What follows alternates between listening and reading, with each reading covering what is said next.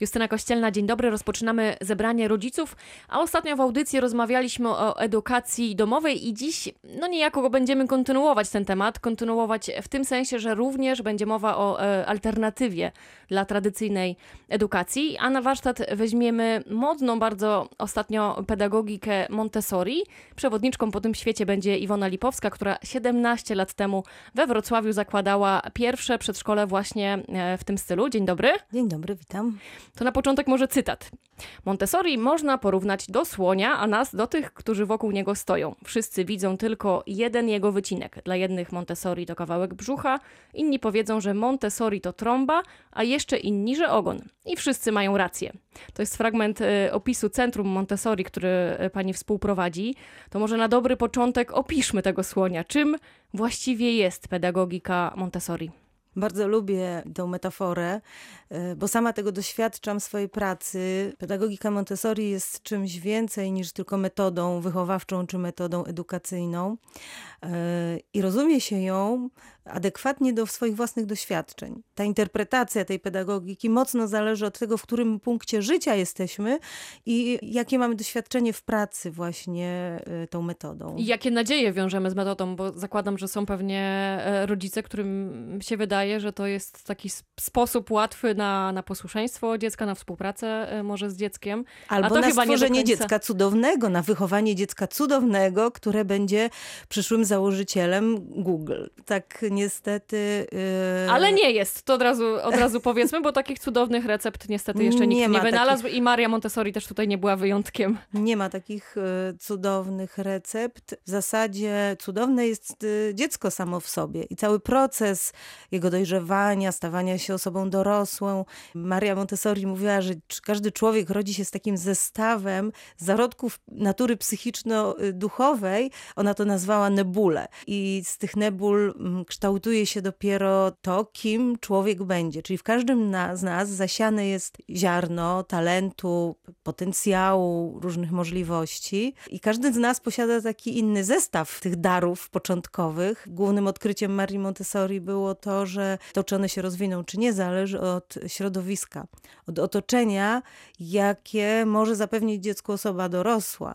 Jakim... I tu jest właśnie nasza rola. Nasza, I, tak. rodziców i nasza, nauczycieli, tak, wychowawców ale powiedziałam o tym dlatego, że sama koncepcja Montessori zaprzecza jakiemuś planowi na dziecko. Czyli rodzice, którzy myślą, że posyłając dziecko do przedszkola czy szkoły Montessori uzyskają jakiś określony efekt, mylą się, bo ich dziecko urodziło się już jakieś i my możemy ewentualnie pomóc dziecku wykorzystać maksymalnie jego potencjał, ale nie ma takiej metody na świecie, która wyrzeźbi jakiś projekt rodzica. Jakie są główne założenia metody Montessori? Ja wiem, że o tym opasłe tomy powstają, my nie mamy aż tyle czasu, e, ale takie główne idee, które przyświecały Marii Montessori, jeszcze powiedzmy, że idea to nie jest wcale nowa, mimo że teraz bardzo modna, to trzeba powiedzieć, że Maria Montessori urodziła się w XIX wieku. Wręcz y, uważam, że mm, w tych y,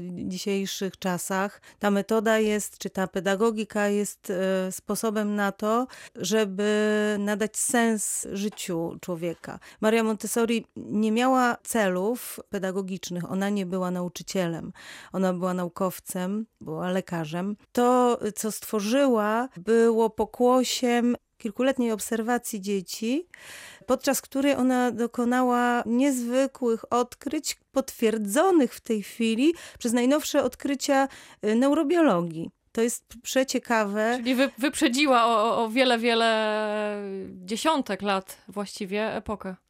Bardzo jest to ciekawe, że ona potrafiła zobaczyć to, co w tej chwili widzą skanery mózgu i różne nowoczesne y, technologie y, pozwalające zbadać mózg w momencie, y, w procesie uczenia się. No to co ona takiego dostrzegła w tych, w tych dzieciakach? Zauważyła, że dziecko obdarzone jest takim mechanizmem, który pcha je do rozwoju. Czyli nie jest potrzebna aktywizacja dziecka, nie są potrzebne metody, które zachęcą dziecko do y, poznawania świata, do jego eksploracji. Ono ma to w swojej naturze. Ona to nazwała hormę. To jest taka energia witalna, która pcha dziecko do rozwoju. My, dorośli, już tego nie posiadamy. A szkoda.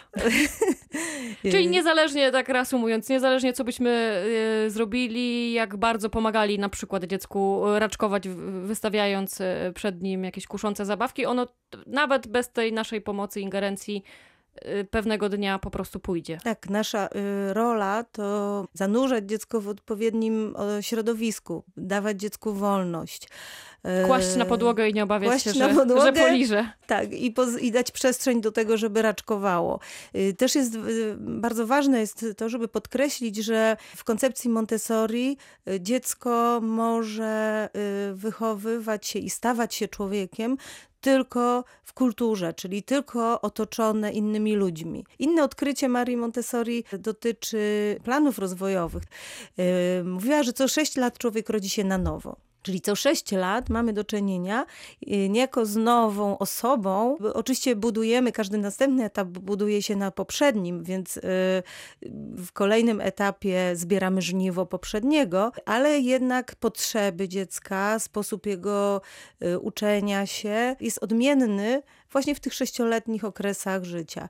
W pierwszym okresie, tym od 0 do 6 lat, Montessori nazwała dziecko absorbującym umysłem.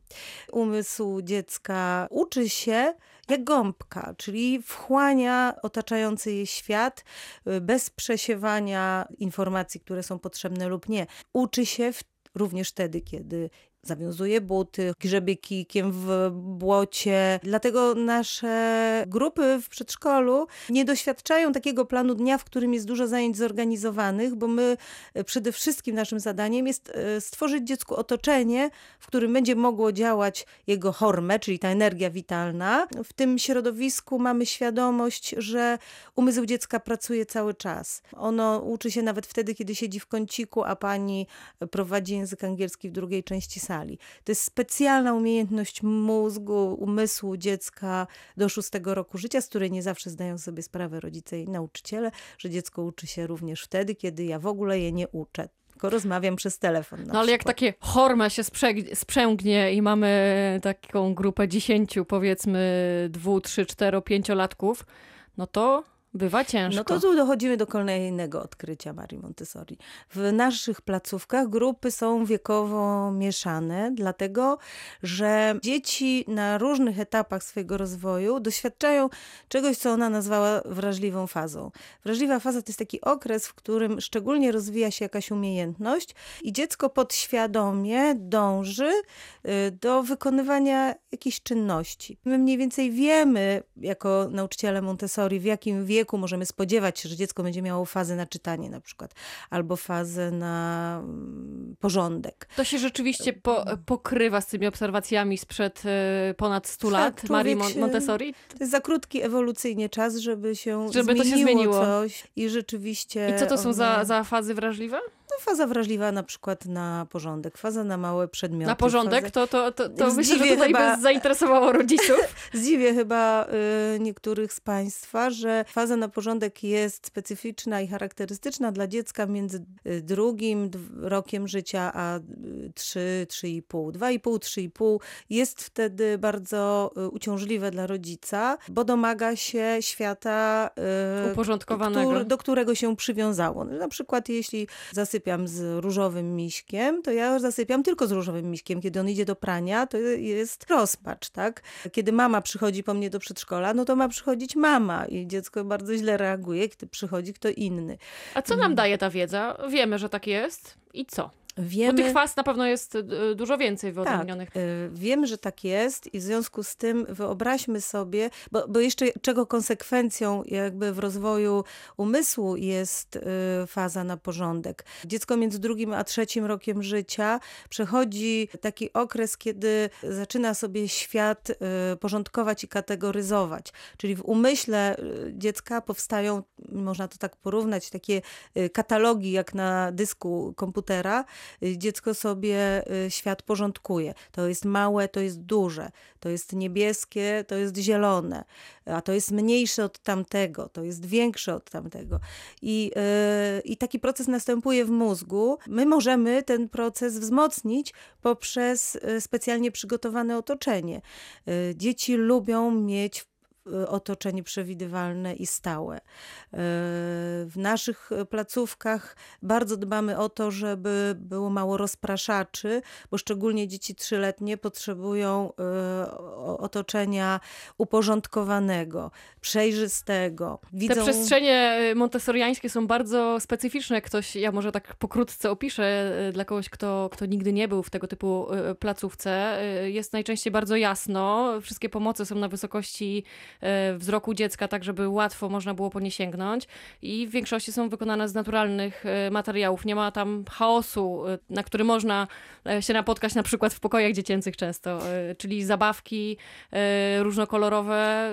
Tak, właśnie ze względu na potrzeby dziecka w tym wieku, między trzecim a szóstym rokiem życia, dziecko potrzebuje uporządkowanego otoczenia. Powiedziała Pani o czymś, co jest dla pedagogiki Montessori bardzo charakterystyczne i fundamentalne i z tego ona jest bardzo często często znana z pomocy rozwojowych właśnie.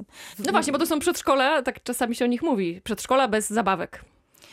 Prawda to, czy nie? To jest takie nasze myślenie y, dorosłe. Tak? Y, trudno, znaczy musielibyśmy się zastanowić, jaka jest definicja zabawki. No tak, no bo w przedszkolu montessoriańskim raczej lalki Barbie nie spotkamy, ale na przykład jest zlew, w którym dzieci mogą się Mogą umyć naprawdę naczynia. świata, tak? albo umyć e, naczynia. Znajduje się tam taki cały zestaw materiałów, które Maria Montessori podzieliła na pięć działów. Pierwszy z nich nazwała życie codzienne albo życie praktyczne i tam znajdują się materiały, które usamodzielniają dziecko, pozwalają mu doskonalić samoobsługę, uczą je dbać o otoczenie, e, ale też rozwijają motorykę małą, przygotowują do pisania. No i my mamy na półkach takie zabawki, które na przykład służą do polerowania srebra.